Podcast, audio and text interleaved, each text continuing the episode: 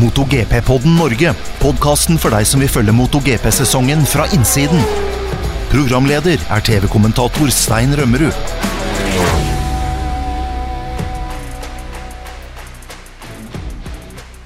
Hjertelig velkommen til en ny episode av eh, MotoGP-podden Norge. Vi skal oppsummere Philip Island og VM-tabellen, og vi skal selvfølgelig også snakke litt om eh, den kommende VM-runden i Malaysia. Og Karoline Olsen, du er på plass, og du er faktisk med på Teams den gangen her. Alt bra med deg? Alt bra med meg, Stein. Veldig hyggelig å snakke med deg. I like måte. Vi hadde jo en uh, veldig morsom sending nå i helga som var, da. Philip Island. Ja, fy søren. Jeg syns vi var dritheldige. Vi hadde noen vanvittig rå løp. Så det Ja, det var rått, altså. Men du måtte faktisk se løpet en gang til. Huska du ingenting fra natta? Var du så trøtt? Nei, altså, jeg kjente at jeg var litt trøtt på slutten der. Og jeg begynner å, jeg begynner å snevle veldig når jeg blir trøtt. Så de som kjenner meg, de bare OK. jeg trodde det. Eh, jeg trodde det var Østfold-dialekt, men det er ikke det, altså. nei, det er ikke det, dessverre. Uh, men uh, nei, jeg syns bare rett og slett det var et såpass rått race. Å kunne sette seg tilbake og ikke liksom kommentere det også, er jo en egen greie. Uh, og jeg må jo si at jeg tror det er et av de råeste MotoGP-løpa jeg har sett i noen gang. Hvorfor det? Hva var det som gjorde det så rått? Nei, jeg syns jo det var Altså, topp ti hang jo sammen så lenge. Eh, jeg syns det var så mye action. Jeg syns det var Du hadde det eh, highs of the high and lows of the low med både Bagnaya og Quartararo. Du hadde liksom Jeg syns det var et løp som egentlig hadde alt. Sinnssyke forbikjøringer. Eh, et lite sånn kamikaze-move av Alex Marquez der. Du hadde Jeg føler liksom at du hadde alt, da. Både på godt og vondt. Og utrolig mange passeringer og, og, mye bra racing. Ja, det var helt rått. Det var eh, Altså, gjerne flere sånne race. Ja, det, det er flere som har foreslått det. Neste års uh, sesong 21 race på Philip Island. Ja, det hadde vært rått, det. Men jeg tror var Jeg tror førerne var heldige òg. Det var jo litt uh, ufint føre på warm-upen på morgenen, så det var nok ikke helt optimale forhold. Uh, men samtidig så var det noe av det bedre jeg har sett på Philip Island. Altså, forholdene lå liksom til rette for at det skulle være en, en bra racedag, da. Det var helt vilt. Og de som da ikke har fått det med seg, det var Suzuki-seier. Alex Rins øverst, og han vant med 0,18 sekunder foran Mark Marquez, og på tredje bare 0,2 sekunder bak eh, seierherren. Der finner vi Pekko Bagnaya. Og på fjerde, Marco Bezzecchi, han var et halvsekund bak. Og Enea Bastianini han var 0,6 bak på femte. Så vi hadde ja, sju mann innenfor åtte tideler over målstreken. Så det sier litt om hvor, eh, hvor utrolig jevnt det var. Men vi har snakka om det flere ganger, men Philip Island det er en sånn bane som har uh, høy gjennomsnittshastighet. Det er mange svinger med uh, bra flyt. Det, det er få sånne stop and go-partier. Egentlig bare to svinger. Det er sving fire og sving ti, der man virkelig bremser dypt ned i fart og må skyte ut igjen. Men her er det, dette er en førerbane fremfor noen, men det ble jo utrolig jevnt. Hvorfor ble det det den gangen her? Nei, jeg tror det er litt, uh, litt, flere grunner til det. Jeg tror at førerne var litt uh, konservative når det kom med dekk. Jeg tror alle hadde en følelse av at det her var ikke et race hvor man kunne gå bånn gass helt fra starten av. Vi hadde flere av førerne som uttalte etter løpet at de forventa at, at tempoet egentlig skulle bli mye høyere. Da. Og så tror jeg at det er en en eh, kombinasjon at det, at det, det, rett og slett er en, en, bane som utligner forskjellen mellom motorsyklene på en helt annen måte enn de harde innbremsing- og akselerasjonsbanene vi har hatt eh, tidligere. Og Vi sa det jo på podkasten også noen dager før sending, eller før løpet, at dette er jo en bane der man ofte kan se at førere som egentlig kanskje har eh, litt effekthandikap, kanskje ikke har den største toppfarten, men likevel en sykkel som er i bra balanse og bra setup, kan vinne løp. Og det fikk vi jo et eksempel på da, med Alex Rins, som så til å time dette her veldig veldig bra. Han fikk jo en mulighet der helt mot slutten av løpet og satte da satte han jo egentlig sykkelen på innsiden av Pekko Bagnaya der i sving to, og det var eh, et modig grep. Det var vel på nest siste runde eller noe sånt, men han, eh, han fiksa det. Ja, både han og, Altså, Både han og Marc Marquez eh, ga jo alt de hadde på slutten. Eh, og jeg tror nok at Pekko gjorde en smart vurdering eh, de siste rundene der. Altså, han sa jo det før løpet, så hele, målet hans var jo å vinne. Men så fort han så at Quartararo var ute, og han kjører mot to førere som i bunn og grunn ikke har noe å tape, så fant han ut at her handler det om å få med seg så mye poeng som mulig uten å risikere alt. Og han følte følte seg jo nesten som en vinner på en tredjeplass, for han dro derfra som ny mesterskapsleder. Så det er klart at der, eh, han, han, kjørte et smart race. Tror du at han sparte litt på slutten der? For å liksom, eh, han, når han fikk melding om at Quartararo var ute og han hadde muligheter til å virkelig plukke mye poeng, så at han da ikke gikk for å svare på andreplassen og førsteplassen, men at han tenkte 16 poeng, tredjeplass nå, det er akkurat det jeg trenger for å ta over mesterskapet?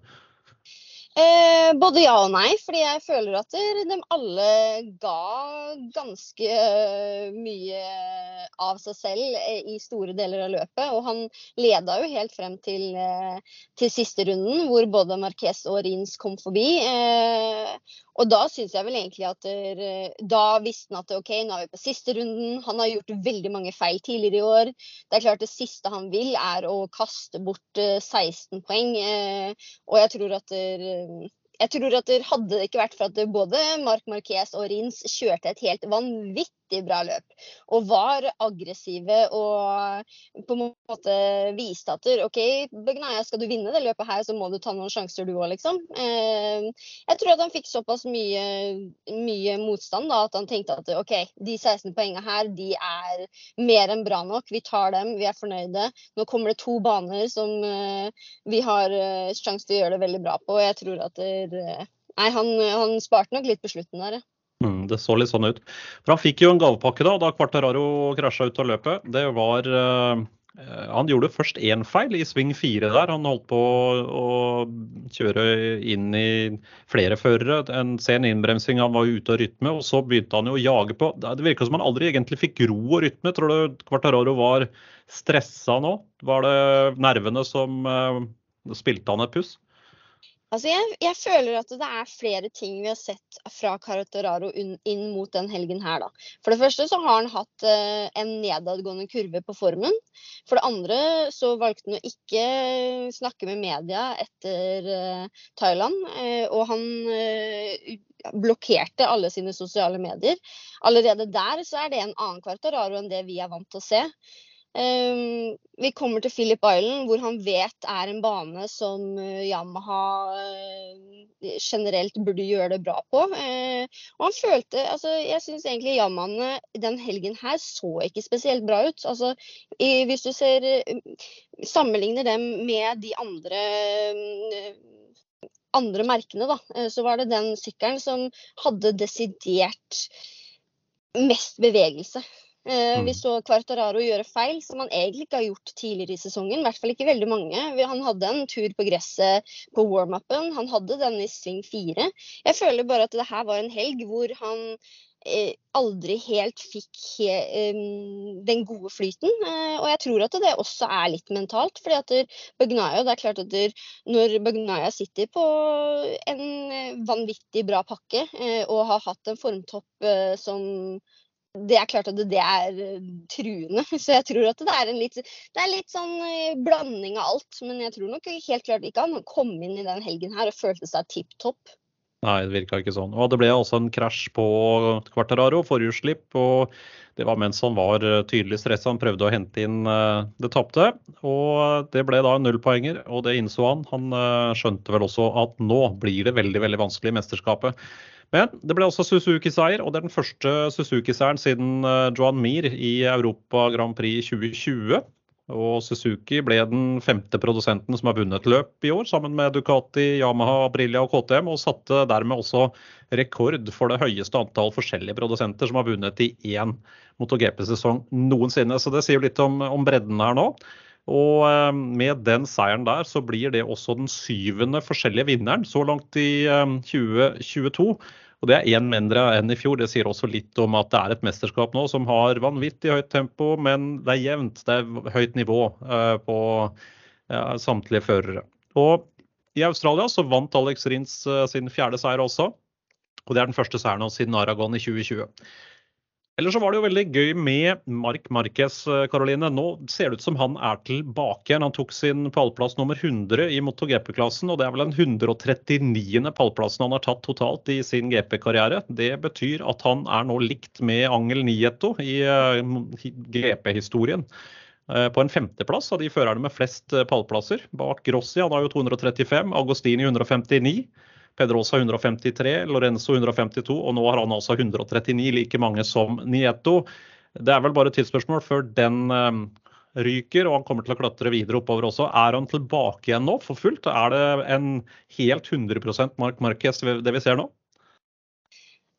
Jeg tror at han fortsatt har litt å gå på. Jeg tror liksom at han eh, Det er nok ikke 100% Mark Marquez vi ser nå. Jeg tror at han, han, fortsatt Han ser at det fortsatt er behov for utvikling med Hondaen. Jeg tror at når han får sykkelen enda mer sånn som han vil da, altså Det her er skummelt for 2023 og alle han skal kjøre mot der. fordi det her var en Mark Marquez som tulla på pressekonferansen. Han uh, smilte fra øre til øre etter racet. Han uh, hadde en av sine helt insane eh, redninger eh, på warm-upen ut av sving 10 med albuen i sånn, sånn, som bare Mark Marquez kan gjøre det.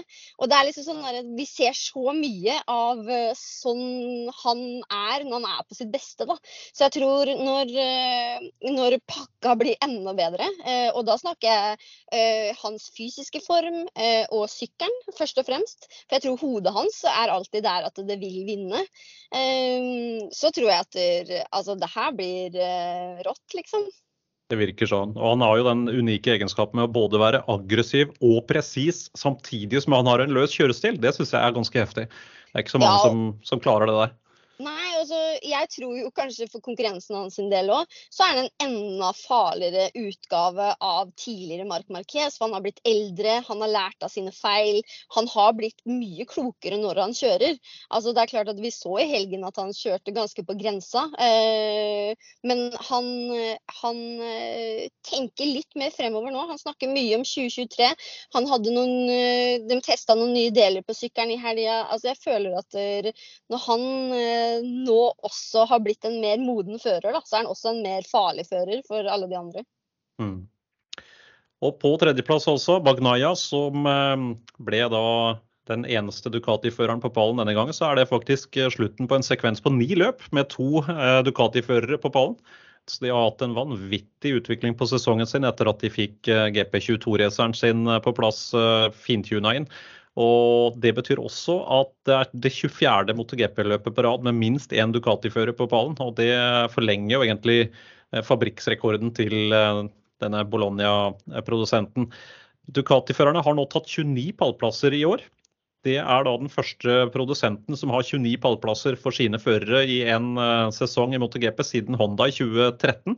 Da hadde de 30 pallplasser, så det sier jo litt om uh, den dominansen som er fra Ducati-gutta for tida. Det er åtte Ducatier på startplata, og det gjør det selvfølgelig ekstra vanskelig for konkurrentene. Men det Karoline, eh, bringer oss jo til VM-tabellen. fordi akkurat nå så har vi jo Bagnaya på topp. Han gikk over i ledelse nå, 233 poeng. Og Quartararo på andre har 219, så det skiller 14 poeng mellom de to. Det er VM-runde nå til helga. Da er det Malaysia, og så er det Valencia. Så det er bare to løp igjen. 50 poeng å kjøre om. Og Bagnaya kan bli verdensmester han faktisk nå i Malaysia, hvis han drar derfra med mer enn 25 poengs ledelse. For da er det ikke matematisk mulig for Fabio å ta han igjen. Eh, på podkasten før den VM-runden i Philip Island så spurte jeg deg hva du tippa. Eh, du tipper eh, Bagnaya som verdensmester i 2022. Jeg tippa Quartararo, men det var før denne helga. Men nå må jeg bare innrømme at jeg har bytta side. Nå tror jeg ikke det er mulig for Quartararo. Jeg tipper det blir Yama andreplass i år og Bagnaya vinner. Men hva tror du nå? Er det mulig for Bagnaya å sikre det i Malaysia, eller vil det gå helt inn til Valencia? Jeg håper det vil gå helt inn til Valencia, men jeg tror ikke det er umulig at det skjer nå i helgen. Uh, vi ser jo en, eh, på en måte en litt sånn usikkerhet hos Quartararo, da. Samtidig som vi ser en enorm selvtillit hos Begnaya. Eh, han kjører veldig lekent og lett nå, eh, og er offensiv samtidig som han prøver å være litt smartere enn det han har vært tidligere i sesongen. Da. Så jeg syns at han ser unektelig veldig sterk ut. Mm. Nå kommer vi jo til en bane som uh, Ducatiene pleier å være ganske bra på. for uh, det er jo en helt uh, annerledes layout enn den vi så i Australia. Så nå skal vi se litt nærmere på den VM-runden vi har i vente denne helgen.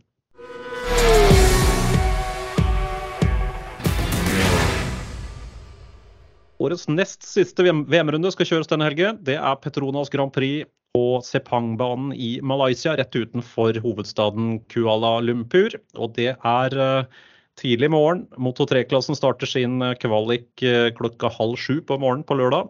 Og da går det slag i slag ut til eh, ja, rett før klokka ti. Da er det kvalifisering. Mens på søndag så er det løpsstart klokka seks for Moto 3, 07.20 for Moto 2 og 08.00, nei 09.00 blir det norsk tid for Moto GP. Banen i Malaysia den er veldig annerledes enn den vi hadde i Australia. Dette er en mer moderne banetype, og den ble eh, tegna for ikke så veldig mange år siden. Ble konstruert i 1998. Den er 5,5 km lang, så det er en av de lengste banene i VM-serien. Den er høyresvingt.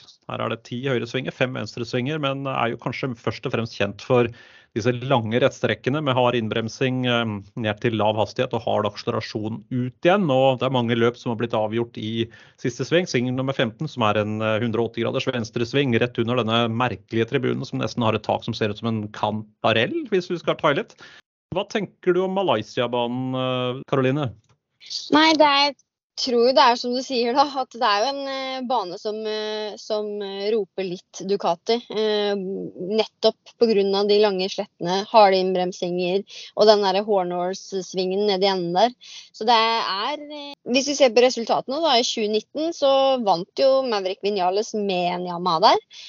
men jeg tror at Yamahaen i forhold til konkurrentene var en helt annen sykkel i 2019 enn det den er i dag. Og selv om den har hatt seire der tidligere, så tror jeg det blir mye vanskeligere den helga her. Ducati har et enormt eh, Altså, de førerne de har eh, i sin stall for øyeblikket. Eh, Sarko har jo vist at han er kjempebra. Miller hadde jo et kanonrace før han ble tatt ut av eh, Alex Marquez på Philip Island. Eh, Bastianini var jo helt nede på 20. på ett tidspunkt på Philip Island og klatra helt opp til en femteplass.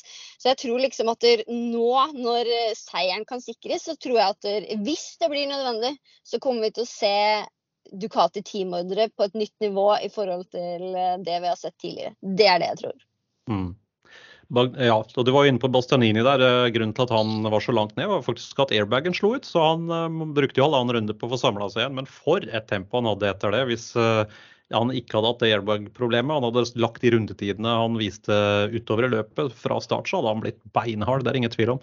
Men tilbake til Malaysia. Jeg er enig med deg. Jeg tror dette blir en bane som i utgangspunktet bør være en fordel for eh, Ducatiene. Nå er det jo sånn at Vi har jo slutta å snakke om at det, det finnes noe som heter Yamaha-baner og Ducati-baner, og sånn, for det har vært så utrolig jevnt den siste tida. Men det som er spesielt med denne layouten, er nettopp denne voldsomt lange akselerasjonene fra lave gir. og Der vet vi jo at Ducatien er bra. Det er, um, det er mye effekt der, og de er gode til å få full drive fra første, andre, tredje gir og oppover i hastighet, helt opp til toppspeed. Um, det vet vi kommer til å bli tøft for, uh, for, Pekko, nei, for Fabio Quartararo på kvaliken her så bør han jo inn på førsterekka hvis han skal ha sjanse til å henge med fra start eh, og ikke bli pakka inn av en haug med Ducatier. Eh, men vi har sett det. Det er en stund siden han har vært på førsterekka nå. Eh, Quartararo. Det har jo vært mye sånne andrerekkestarter den siste tiden. og Vi må vel helt tilbake igjen til Østerrike for å se forrige gang han sto på førsterekka. Da hadde han nest beste startposisjon. Så kvaliken kommer til å bli tøff for, for Fabio her. La oss se litt på statistikken. da. Det er jo av de forskjellige merkene her, så har Honda sju seire. Ehm, og det er vel ja, Pedrosa hadde mange her. Det var jo 12, 13 og 15. Marquez i 14. Eh, og han vant vel også i 2018, Marquez. Det er de nyeste seierne. Og i Yamaha de har seks seire her, faktisk. Det var Rossi da i 2004, 6, 8 og 10. Og Max Biaggi hadde en i 2002 og Vinjalis i eh, 2019.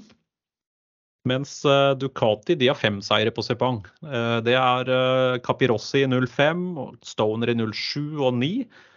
Og så er det vel Dovi da, som vant i 16 og 17, og Dovi var på tredjeplass i 2019-løpet her. Så det, de har jo ikke sånn vanvittig dominans i moderne tid, Ducati. Det er faktisk Honda som har de beste resultatene her.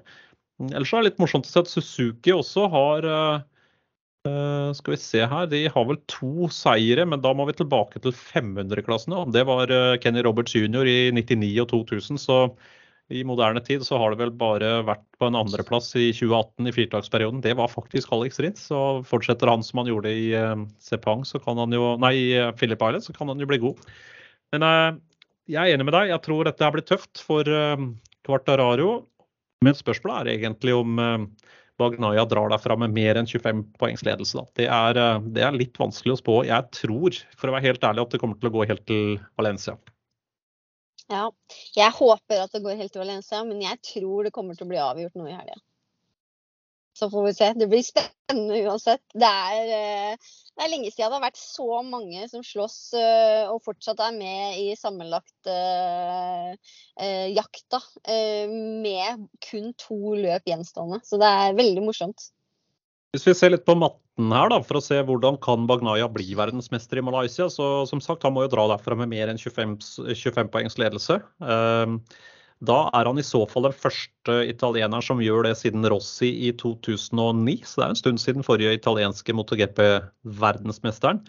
De eneste som nå kan ta tittelen sammenlagt i år, eh, matematisk, det er Quartararo, Aleix Espargaro og Enea Bastianini. Det er kun de tre som kan true Bagnaya sammenlagt, men da skal jo veldig mye klaffe til. Eh, så det finnes noen forskjellige scenarioer her. da. Hvis eh, Bagnaya vinner og Quartararo ikke er på pallen, da er det klart. Da kan han ikke bli tatt igjen. Da er eh, Bagnaya verdensmester. Hvis Bagnaya blir nummer to og Quartararo ikke blir bedre enn sju, og Aleish ikke vinner, da er han verdensmester. Det er en del uh, ifs and buts her.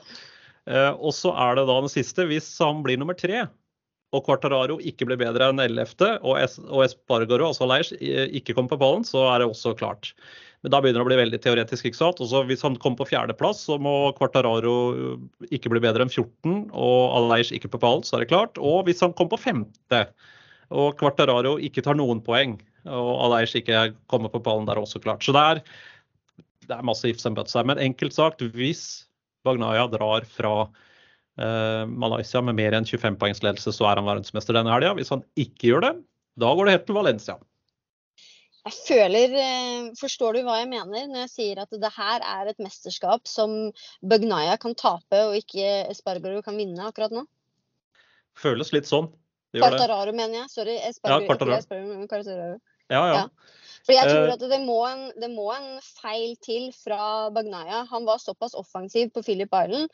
Jeg er helt sikker på at han ønsker eh, å gjøre det så bra som overhodet mulig, uten å ta for store sjanser selvfølgelig på, på Sepang. Men det er ikke sånn at han ønsker å safe nå til helga for å ta det helt til Valencia. Vanvittig deilig følelse både for han og Ducati hvis de kunne på en måte runde opp mesterskapet nå til helga. Men eh, jeg tror det må en feil til fra Bagnaya eh, for, at her, eh, for at han skal miste det her. Eh, og det har vi faktisk sett han gjort tidligere år, og tidligere denne sesongen her. Men det er jo det som er spennende nå, fordi Quartararo også har gjort feil. Så både Bagnaya har eh, gjort feil under press, og Quartararo har gjort feil under press. Så her kan jo egentlig hva som helst skje. Men hvis vi ser på statistikken nå, andre halvdel av sesongen i år, så har jo Bagnaya vært totalt dominerende. Han har jo vunnet eh, fire løp på rad der, fra Nederland til Misano. Og de fire løpene som er kjørt etterpå, så har han en andreplass og to tredjeplasser og null poenger. Så det er kun i Japan han har vist noen svakhetstegn egentlig nå. Mens eh, Fabio har jo ikke vært på pallen siden Østerrike, faktisk. Så det virker litt som han har eh, fått samme mentale utfordringene som han hadde i 2020-sesongen. Da, da det egentlig rakna totalt på slutten av året. Og jeg syns vi aner konturene akkurat det samme nå. Men for Fabio så er det veldig enkelt. Han må jo bare gå inn i dette her med maksimum attakk, som Marco Alén sa en gang. Her er det ikke noe å spare på. Nei, han har jo Han har ikke råd til å spare. Nå ligger han såpass langt bak at han må jo faktisk bare angripe. Han må på en måte ta kontroll over sin egen eh, skjebne. Uansett ja. hvor klisjé det høres ut. Altså, hvis han vinner, så har han fortsatt en sjanse. Eh, eller hvis Altså, det er jo som du sier mange scenarioer, da. Men han har ikke råd. Han har ikke luksusen til å, til å gjøre noe annet enn å gi 110% og Det er jo det han også sier har vært litt av grunnen til kollapsens uh, siste halvdel av sesongen. Da. Det er jo det at han på en måte um, overkjører Altså prøver for mye på ja. sin Yamaha, eh, og at det rett og slett ikke er kapabelt. Han prøver for hardt, uh, og mm. det har han ikke gjort tidligere i sesongen. Men da har, tidligere i sesongen så har jo ikke Bagnaya vunnet løp heller. Altså Tidligere i sesongen så var han jo Da sleit de jo med å få 22 eh, Ducatin skikkelig på gang. Så jeg tror det er eh, Ja, han føler seg pressa nå. Mm, det virker sånn. Og han har et maskinmateriale som er underleget, og han må ta i voldsomt hele tida for å for å kjøre fort nok. Og det vet jo begge vi som har kjørt racing, at hvis man tar i veldig veldig mye for å prøve å få bra fart, så blir det ikke bra. Nei, da går det som regel saktere, og man ender opp med å gjøre feil. Noe vi mm. ser Quartararo har gjort i det siste. Vi gleder oss uansett til denne helga. Det kan bli verdensmestertittel altså allerede nå. Men det kan også gå til Valencia siste runde som kommer i november, så det er all mulig grunn til å sette vekkerklokka på litt tidlig, både lørdag for å få med seg kvaliken og søndag. Minner også om eh, sendetidene her på Viaplay og V-Sport 3. Det blir altså på søndag løpsstart i Moto 3-klassen klokka 6 norsk tid. Moto 2 07.20 og Moto GP 09.00. Da gjenstår det vel bare Karoline, å takke lytterne for følget. Jo, det er veldig hyggelig at folk gidder å høre på deg og meg chatte. Det er helt merkelig at noen gjør det. Men det er faktisk flere hundre stykker som gidder, så der ser man. Så da får du ha en eh, fin kveld, og så ses vi på lørdagsmorgen. Takk det samme, Stein. Det gjør vi. Takk for det, og ha det bra til dere som hører på. Du har hørt MotoGP-podden Norge med programleder Stein Rømmerud.